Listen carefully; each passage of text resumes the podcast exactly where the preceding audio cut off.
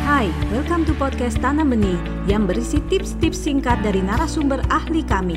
Jangan lupa di follow.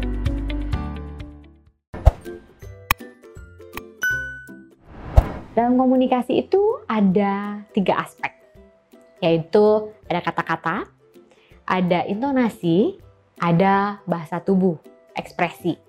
Nah, di antara tiga ini, kalau di jumlah total tiga-tiganya 100%, berapa kontribusi kata-kata, berapa kontribusi bahasa tubuh, berapa kontribusi intonasi suara dalam efektivitas komunikasi? Jawabannya, kata-kata itu 7%. Bahasa tubuh itu 55%, intonasi suara itu 38%. Sehingga biasanya intonasi sama bahasa tubuh kan nyambung ya. Sehingga ini di dua ini kalau di total 93%. Jadi ketika kita berkomunikasi dengan anak kita, dengan orang lain, kita harus memperhatikan bagaimana intonasi suara kita dan bahasa tubuh kita ketika menyampaikan.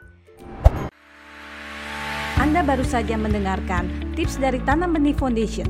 Mari bersama-sama kita terus belajar untuk menjadi orang tua yang lebih baik demi generasi yang lebih baik. Jangan lupa follow podcast kami.